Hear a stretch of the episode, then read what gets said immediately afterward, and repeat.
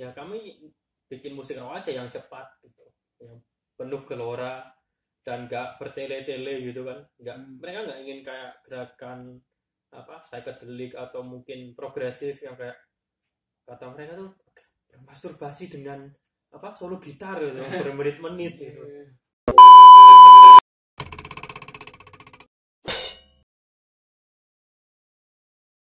Halo teman-teman, kenalkan saya Sulhan dan ini teman saya. Ovek Ya kami ceritanya lagi bikin eh, channel podcast baru nih, namanya Simulakra. Ya mungkin Ovek mau menceritakan sedikit kenapa kami pakai nama Simulakra gitu ya, Pak. Silakan.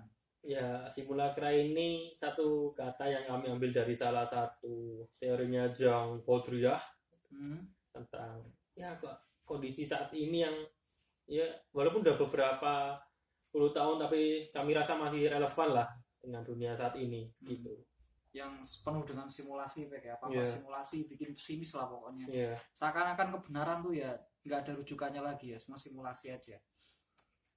Oke, eh, untuk menyingkat waktu eh, di episode pertama ini kita pengen bahas tentang buku terbarunya OPEC yang baru diterbitkan beberapa waktu lalu judulnya History of Punk. Eh, punk ini kalau teman-teman tahu ya atau ngikutin gitu kan, ya sebuah salah satu subkultur lah dari anak muda ya kan. Anak muda itu kita tahu eh, dalam banyak perspektif itu eh, sering-sering dipandang sebagai di satu sisi oh, pemberontak dan sebagainya. Di satu sisi juga oh, dipandang sebagai konsumen yang sangat ideal ya untuk pasar gitu kan nah tapi itu nanti akan kita bahas ya di episode pertama ini atau nanti di episode kedua kalau nggak cukup Eh, pertama mungkin kita akan langsung saja eh, membahas tentang bukunya Mas Opek kenapa sih eh, memilih untuk menulis History of Punk meskipun anda itu tidak seperti punk ya, Anda lebih seperti boyband Korea gitu. Ini kenapa ceritanya? oh ya saya kira saya tuh udah sangat pang loh dengan berpenampilan seperti ini ternyata nggak juga ya Mm-mm.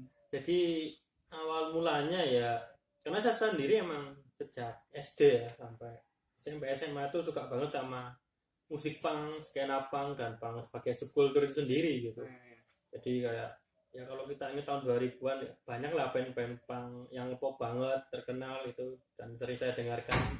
Di sisi lain di kota tempat saya besar dulu di Malang tahun-tahun 2000-an itu juga ya punk lagi marak-maraknya gitu hmm, sampai kita mungkin dulu pernah dengar namanya MCHC Malang City Hardcore dan berbagai acara-acara saat itu. Jadi itu menurut saya adalah tema yang menarik.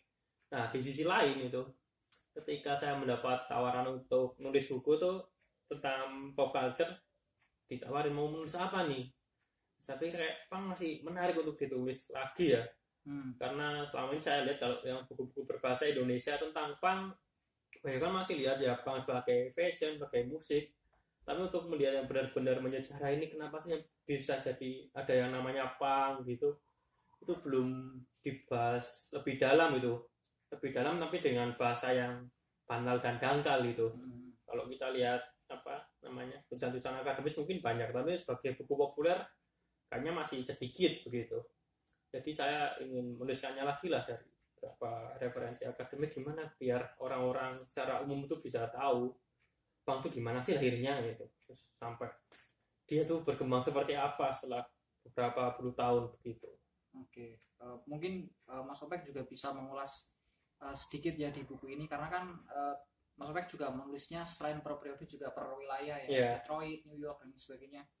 Eh, itu mungkin bisa juga dijelaskan apa sih yang membuat punk itu berbeda dari subkultur yang lain mungkin ya Hmm. dari mungkin segi ritualistik atau eh, atribut-atribut mereka lah. Gitu. Iya.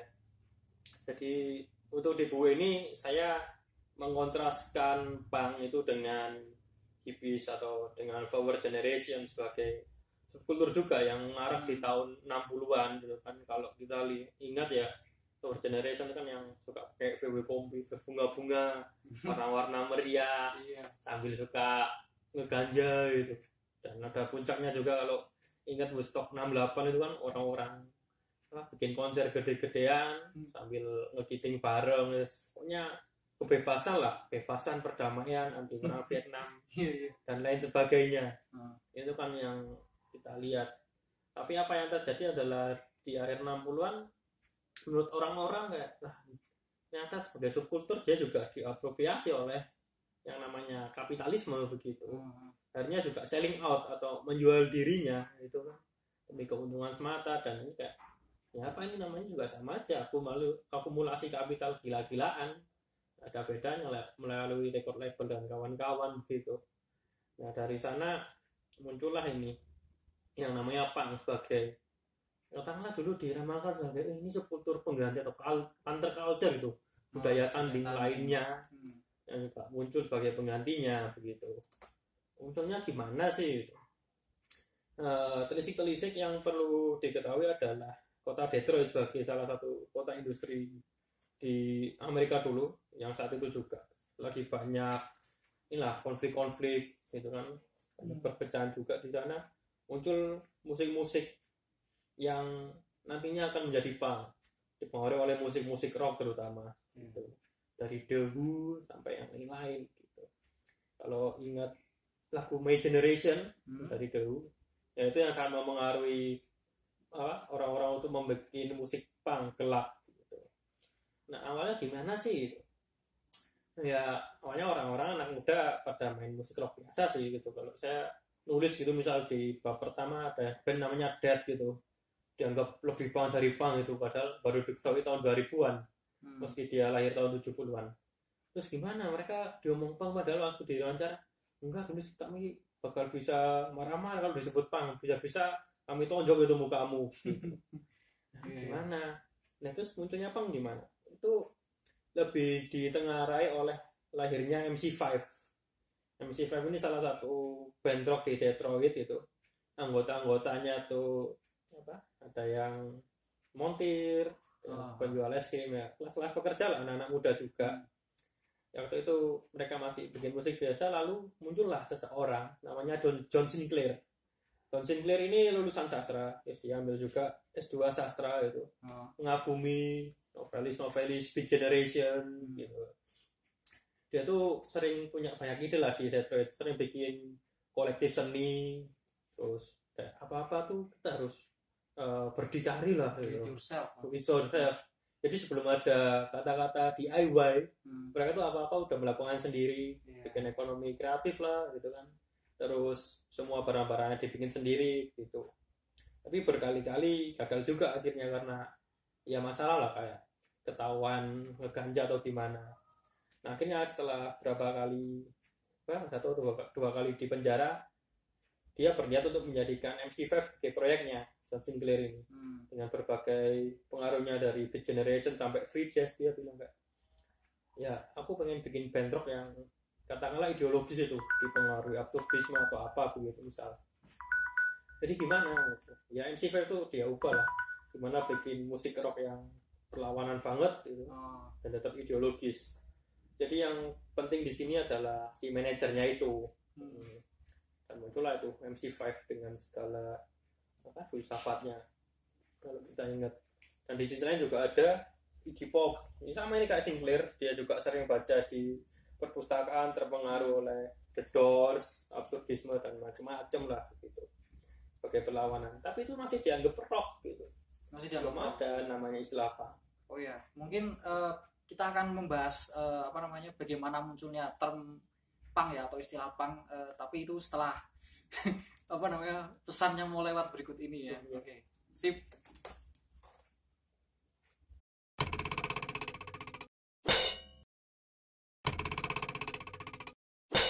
Oke, kembali lagi bersama kami di sesi kedua. Topiknya masih tentang pang ya.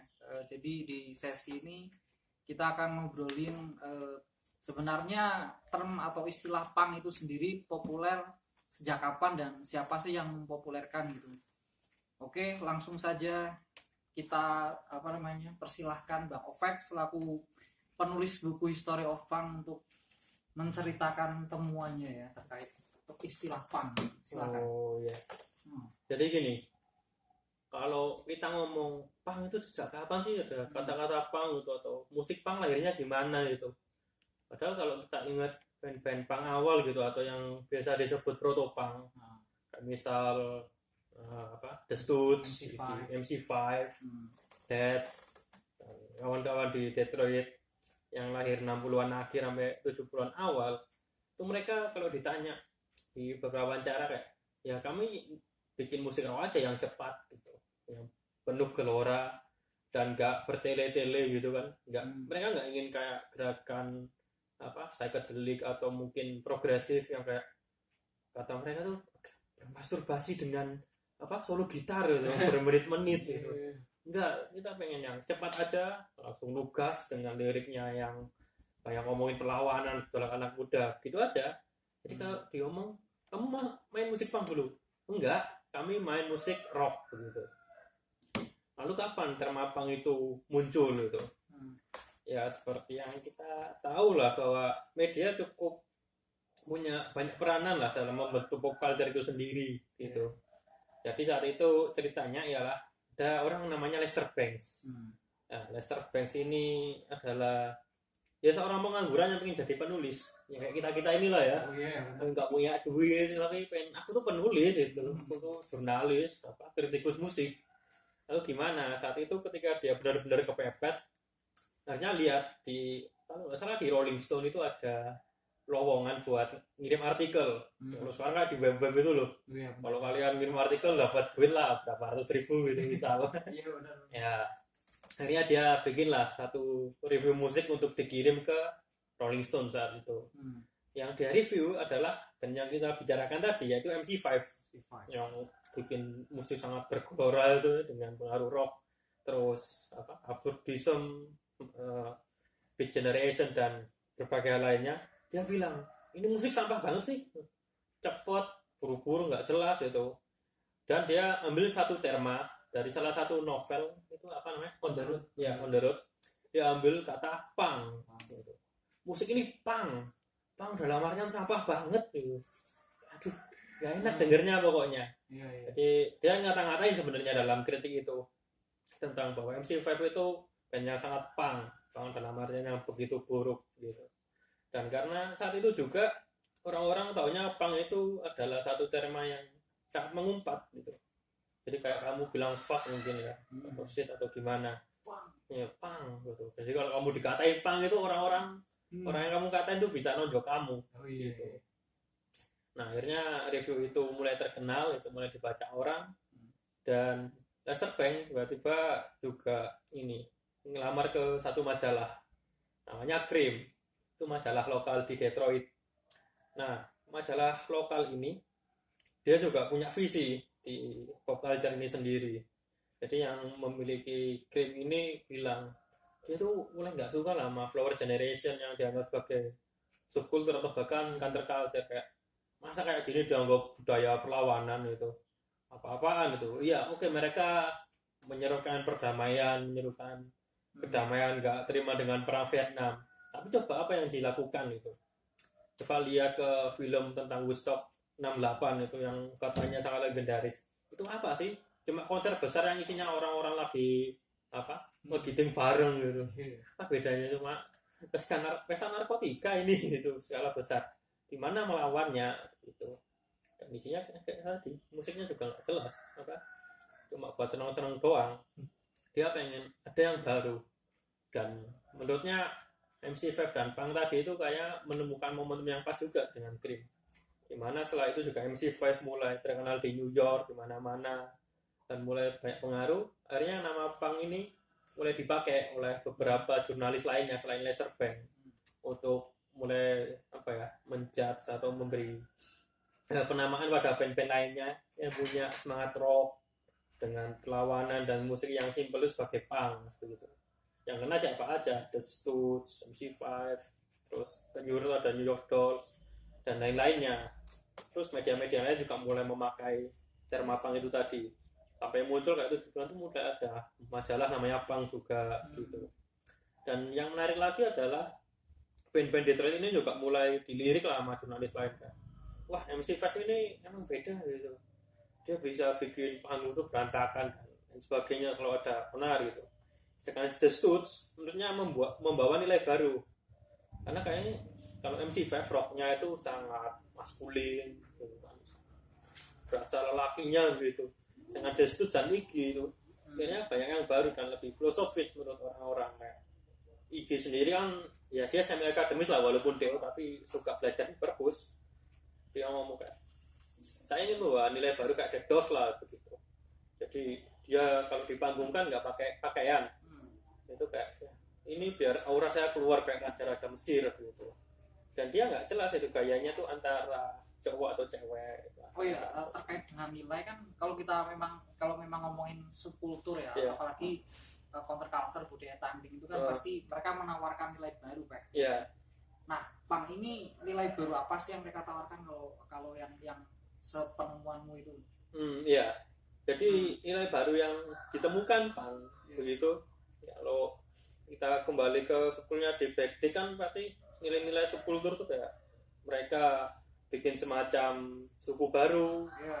punya namanya bricolase kan atau yang disebut oleh anak-anak pang itu sebagai DIY ya bricolase itu sesuatu yang fungsinya apa diubah jadi fungsi yang lain Ah, FYI aja. Lalu dia juga punya ritus. Nah pang sendiri apa ya Eh, pergerakannya maksudnya nilai-nilainya awalnya beda-beda. Mungkin kita lihat ya awalnya ini cuma musik aja lama-lama jadi satu skena. Apa sih yang beda gitu? Mereka yang paling jelas ketika kamu bang ya kamu DIY apa-apa bikin sendiri. It yourself. it yourself bikin label sendiri. Kalau bisa bikin majalah-majalah sendiri mungkin namanya. Bikin kostum sendiri, Bikin jaket kostum sendiri. disobek-sobek, jaketnya misal disobek-sobek atau diapain. Rambutnya di ya rambutnya niru orang Indian kan? Tapi pakai lem. Bicara ke mana-mana begitu terus bikin jaket dikasih emblem-emblem gitu kan. Kayak gitu. Jadi itu yang membedakan mereka dengan yang lain ya kak. Oh kamu tahu anak itu kang iya iya. Oh itu ada duri-durinya begitu. Itu. Itu DIY mereka sebenarnya. Walaupun kalau kita lihat band-band punk mereka juga banyak yang punya gaya selain itu gitu.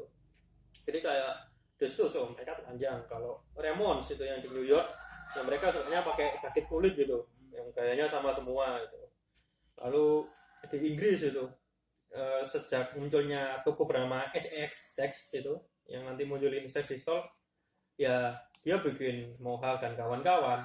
Sampai akhirnya di Manchester ada namanya perang fashion antara satu subkultur dan sub- subkultur lain. Terus satu skena dan skena lain. Ada casual ada skinhead ada apa. Di sana apa mulai kelihatan sebagai dari fashionnya aja dia udah jadi ritus baru. Gitu. Udah jadi ritus jadi suku suku dalam perkotaan Jadi- kawan-kawan. Fashion tuh menunjukkan kamu pang gitu Pang, ya. Punk. selain musiknya fashionnya Hmm. dan juga lirik-lirik mereka itu kalau dulu di Malang fashionnya gimana pak kebanyakan ya kalau di Malang ya pakai baju kos oblong nggak bisa sih sebenarnya Hmm. ya walaupun ada juga yang pakai jaket kulit terus banyak juga yang pakai jaket jeans terus dikasih emblem-emblem ya mirip-mirip lah kami maksudnya di negara-negara lain ya kita juga meniru apa yang terjadi di negara-negara awalnya pang lahir gitu Hmm. Betul. Oke, eh, mungkin eh, pang ini sendiri kemudian lebih menonjol dari sisi fashion ya dan selanjutnya kita akan membahas apakah kemudian eh, pang ini adalah perlawanan yang reduksi dalam artian kemudian dia hanya sekedar fashion yang di apa namanya rangkul oleh kapitalisme atau bagaimana gitu di eh, apa namanya season selanjutnya di episode Oh, iya. selanjutnya. Di oke. sesi selanjutnya oke? Ya eh, kita kembali setelah pesan-pesan berikut ini.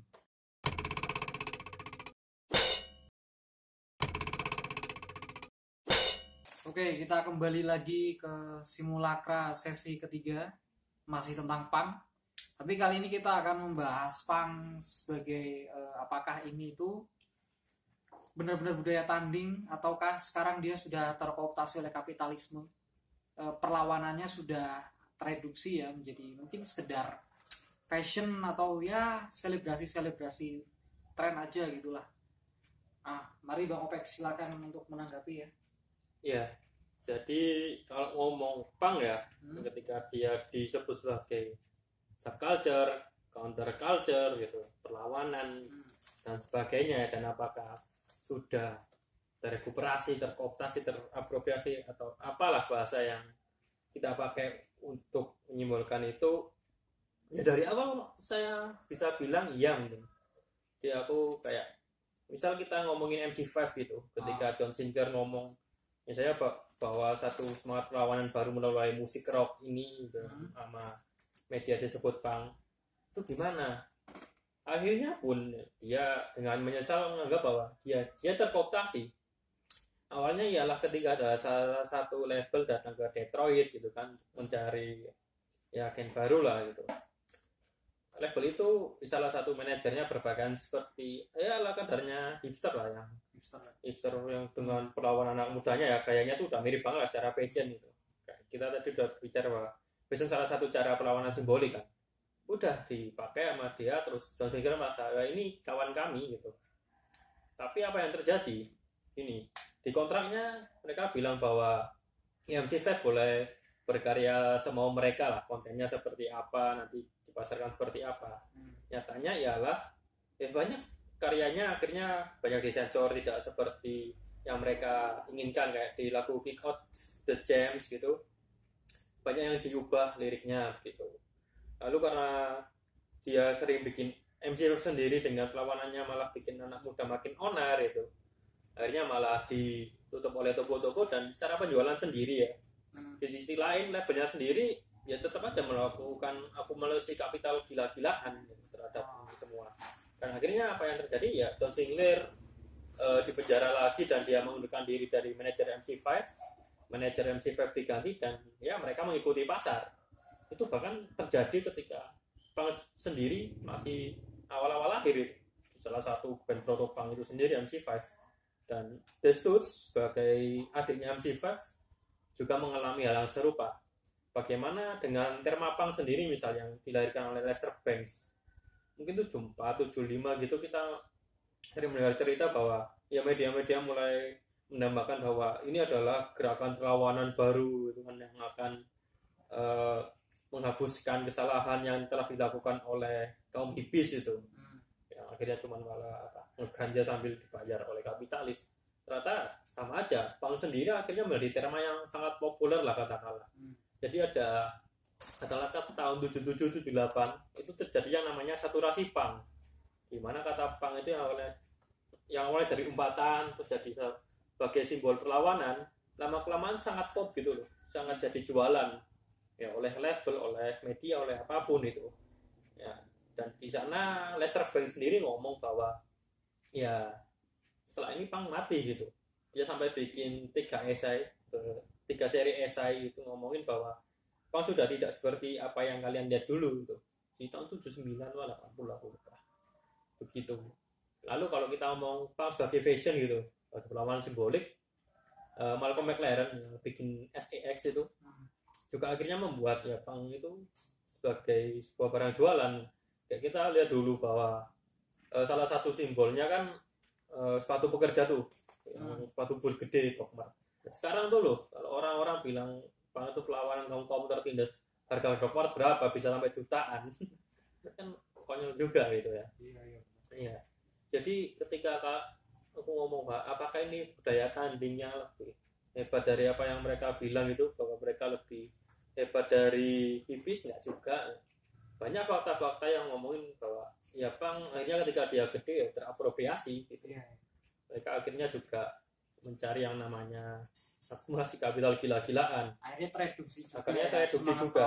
hmm, itu di tahun 70-an ketika kita udah ngomong 80 90-an ya makin gila lagi Oh tapi berarti kan kita ketika ngomongin punk kan kita juga ngomongin tentang semangat do it yourself tadi ya. Iya. Itu juga dengan mereka pakai label itu berarti nggak nggak do it yourself juga dong. Ya kalau labelnya masih indie bla bla bla gitu kan ya tahu kolektivitas seperti apa ekonomi alternatif mungkin juga dilakukan mungkin masih dua banget lah ya. Oh, iya, mereka bikin alternatif terhadap kapitalisme itu sendiri. Eh, tapi ketika udah pakai skema yang sama-sama aja duit yourself-nya jadi dipertanyakan lagi. Oh, ternyata pabrikan juga lama kelamaan gitu Iya. Dari awalnya bikin pin dan lain-lain kayak gini ini bikin sendiri lama kelamaan ya pabrikan atau gimana Pabrikan gitu. industrialisasi tetap masuk ya udah gitu. Aku ini sih eh, apa namanya ketika aku kecil ya, Hmm. ya di tempatku sendiri juga kan eh, orang sudah mulai mengenal punk lah teman-temanku Hmm. udah mulai mengenal punk gitu. Cuman eh, aku nggak tahu apakah ini ada pengaruhnya juga dengan kelas sosial ya, misalnya karena karena aku tinggal di eh, mayoritas orang-orang kampung yang anak-anaknya mungkin tidak mengenal pang sebagai sebuah subkultur perlawanan ya tapi Hmm. lebih kepada eh, tren gitu lebih Yeah. kepada fashion gitu kan. Nah menurut OPEC sendiri apakah seperti itu ya? Maksudnya apakah kelas sendiri berpengaruh terhadap bagaimana kita kemudian memandang pang sebagai subkultur itu sendiri? Iya, kelas sangat berpengaruh gitu. Kayak dan bagaimana pang menyebar itu juga sangat berpengaruh. Kayak kita tahu globalisasi lah itu bisa Hmm. dibaca juga sebagai satu bentuk imperialisme kan? Ya. Karena pengaruh Amerika ke negara-negara lain atau mungkin utara ke selatan. Hmm. lalu aksesnya gimana gitu kan pang apakah awalnya kalau pang mungkin kita lihat sejarahnya di Detroit atau di New York beberapa anak muda yang memberontak kelas pekerja yang gimana gitu. Di London juga gitu kan? Tapi di Manchester musik rock Hmm. ketika tahun 70-an lebih banyak dinikmati oleh orang kelas menengah atas yang bawah kalau kelas- kelas pekerja. Lebih suka jazz gitu. Dan lalu kalau kita lihat di Indonesia musik-musik seperti itu dibahas siapa? Ya orang-orang yang pernah keluar negeri Keluar atau negeri, apa ya. kelas menengah gitu. Lalu apa yang mereka lakukan? Mungkin bunuh diri kelas atau gimana? Jadi katakanlah eh, rekuperasi nilai atau perbelokan itu juga terjadi. Jadi Eh, jadi kayak apakah dia konsisten gitu Eh, banyak sekali faktor ya selain secara kultural tapi juga secara ekopol yang mempengaruhi pang ini sendiri aku aku sendiri dulu uh, waktu aku belum baca bukumu ya maksudnya aku Hmm. juga belum tahu tentang subkultur lihat pang juga kayak gelandangan aja gitu Iya. orang yang kemudian pengen jadi gelandangan dan teman-temanku yang kemudian pengen jadi pang juga bukan orang kelas menengah gitu tapi Iya. memang dia selain mencari eksistensi juga uh, biasanya broken home gitu di Iya. rumahnya gitu. Jadinya kan kita mempertanyakan lagi ini gerakan resistensi kah atau eksistensi saja gitu? Iya, iya, kalau ada berapa kajian tentang kultur kan jadinya pertanyaan banget ini. Yang nantinya resistensi itu di mana sih? Jangan eksistensi doang atau bahkan subsistensi gitu. Itu jadi eh, pergeseran nilainya sangat banyak gitu. Tapi Walaupun tapi apakah menurut OPEC pang itu sekarang sudah mati ya? Maksudnya ketika kita melihat eh, eh, apa namanya misalnya musik hari ini ya, atau Hmm. atau gerakan perlawanan sekarang itu juga kan banyak juga yang yang maksudnya Hmm. punya ideologi sama kayak pang dari mungkin segi anarkisme dan sebagainya nah, nah pang itu di sini gimana mereka posisinya apakah jangan-jangan pang itu sudah mati gitu ya. Eh, begini kalau kita ngomong matinya dalam artian terapropriasi mungkin iya gitu Hmm. banyak sekali yang udah tapi apakah masih ada yang hidup tetap dengan semangat yang digaungkan di awal-awal lah. Hmm. terutama di 80-an lah ya kalau kita bicara begitu. Ya masih ada gitu. Gerakan-gerakan kecil yang tetap DIY tetap membuat kolektifnya sendiri itu tetap ada gitu. Jadi nggak bisa kita ngomong mati beneran mati enggak. Atau mungkin ada sesuatu yang bukan punk tapi bisa kita baca bahwa mereka tetap mengamalkan nilai-nilai punk lah gitu. Hmm. jadi kayak kita ngomong mati itu seakan-akan sangat esensialis bahwa punk itu harus begini gitu. Iya benar-benar kayak padahal yang nama simbol nilai tanda itu kan bisa berubah di zaman sekarang ya. gitu ya Mm-mm. Ya, jadi teman-teman eh, dari obrolan saya sama OPEC tuh mungkin eh, secara garis besarnya pang juga mes- sebuah subkul- meskipun sebuah subkultur tapi eh, dia tetap menjadi sebuah kajian ya diskursif ya artinya kemudian ada yang memandang itu sebagai eh, budaya tanding yang mereka memperjuangkan nilai-nilai tertentu tapi di sisi lain juga eh, pang barangkali sudah terko- terkooptasi oleh kapitalisme gitu kan Oke, tapi untuk eh, selebihnya mungkin bisa kalian simpulkan sendiri ya. Oke, eh, ini cukup sekian untuk podcast episode pertama kali ini tentang pang budaya tanding dan lain sebagainya. Nantikan podcast kami selanjutnya ya teman-teman. Iya. Dadah, selamat tinggal.